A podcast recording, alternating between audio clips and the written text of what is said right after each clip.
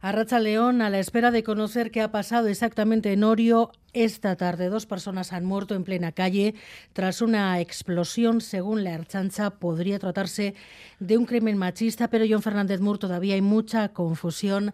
¿Qué es lo que sabemos? Pues sí, los hechos han ocurrido, como decía Arancha, en la localidad guipuzcoana de Orio, en torno a las eh, cinco y media de esta tarde, en la calle Arranzale. La Archancha de lo que informa es de que se ha producido una deflagración en esta localidad vasca, una explosión que dejaría dos víctimas mortales en un primer momento se hablaba de un tiretero, pero la Ertzaintza informa de que se ha producido una deflagración. La zona se encuentra acordonada, los equipos de emergencia se están trabajando en el lugar de los hechos, aunque de momento se desconocen las eh, circunstancias concretas en las que se ha producido esta deflagración. El pueblo a esta hora conmocionado.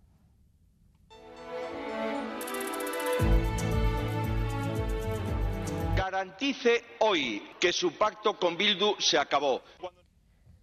Así están las cosas, seguimos pendientes de lo que pase en Orio, se lo vamos a seguir informando. Entre tanto, Pedro Sánchez y Núñez Feijó recrean los momentos más duros entre Zapatero y Rajoy una década después, ETA como argumento esta tarde en el Senado. Garantice hoy que su pacto con Bildu se acabó. Cuando en España ETA no es nada, para ustedes ETA es todo. No se puede soplar y sorber al mismo tiempo. O rompe con Bildu o rompe con la decencia. Quien quiera saber hasta dónde es capaz de llegar la falta de escrúpulos del Partido Popular en la utilización del terrorismo. Cada vez que se acercan unas elecciones, solo tienen que recordar los días 11, 12 y 13 de marzo del año 2004.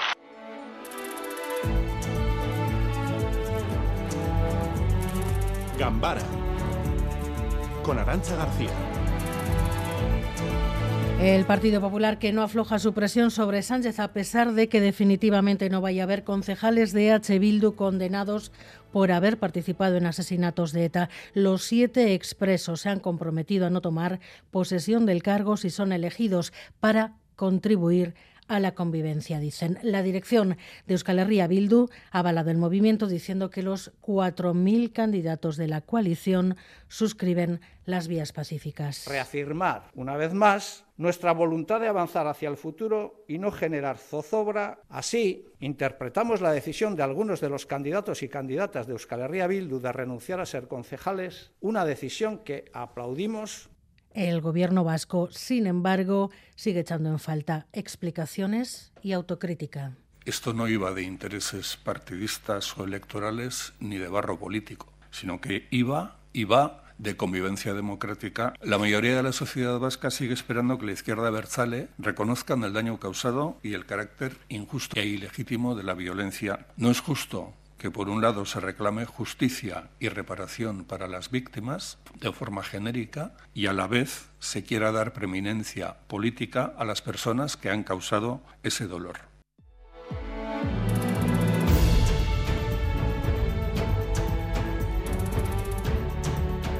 Además, la posibilidad de que jueces y fiscales vayan a la huelga la semana que viene en la recta final de la campaña se mantiene. La reunión de hoy ha terminado sin acuerdo. Han vuelto a citarse en dos días, este jueves, y el objetivo es lograr la neutralidad climática antes de 2050. El Gobierno vasco ha aprobado hoy la Ley de Transición Energética y Cambio Climático. Aplicará una fiscalidad ambiental para beneficiar a quien menos contamine. No habrá sanciones un marco jurídico para alcanzar la neutralidad climática en Euskadi a más tardar en el año 2050. Además, se hará un uso de la fiscalidad grabando e incentivando determinado tipo de actuaciones, pero no introducimos ningún régimen sancionador. Son los argumentos que marcan esta tarde, pero además están los deportes. Edu García, Racha León. León con mucho ciclismo, además y con el casi de Anes Esteban, que ha ocupado la segunda posición final en la Durango Durango Macume en Saría por detrás de la sudafricana del Quick Step Ashley Molmar. Ambas han llegado juntas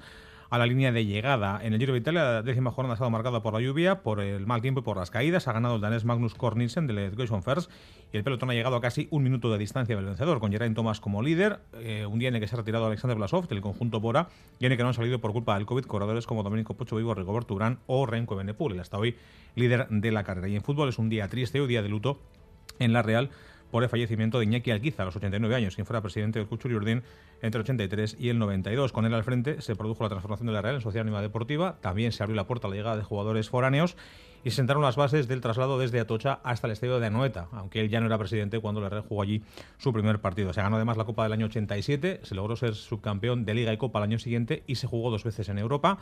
El funeral por Iñaki quizás se va a celebrar mañana en Donostia.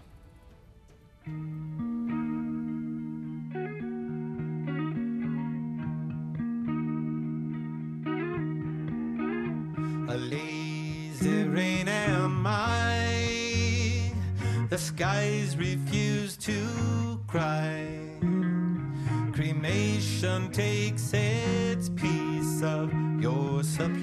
En estos tiempos de incertidumbre, otra de las preguntas que nos queda por resolver es qué acabaremos comiendo en el futuro. Los que más saben de esto lo están analizando, están hablando de ello estos días en el BEC. Natalia Díaz, Arracha León.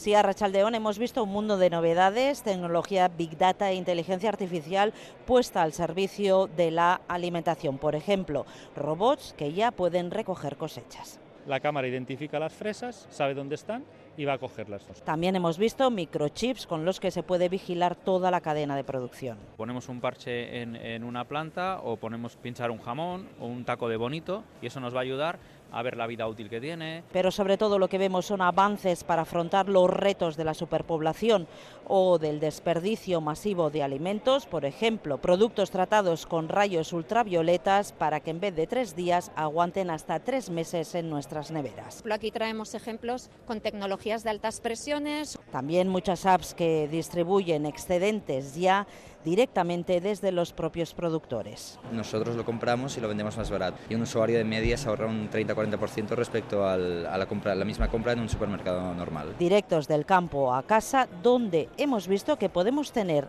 un aparato del tamaño de una cafetera que convierta, atención, un vaso de aceite usado en nuestras cocinas en un litro de jabón de lavadora, además con aroma Marsella. En poco más de una hora obtenemos este jabón 100% natural. Tal cual. Tal cual. En definitiva, más de 400 novedades, eh, casi 300 expositores y 7.000 profesionales que se esperan pasen por aquí hasta el jueves, donde además van a participar en casi 60 mesas de debate.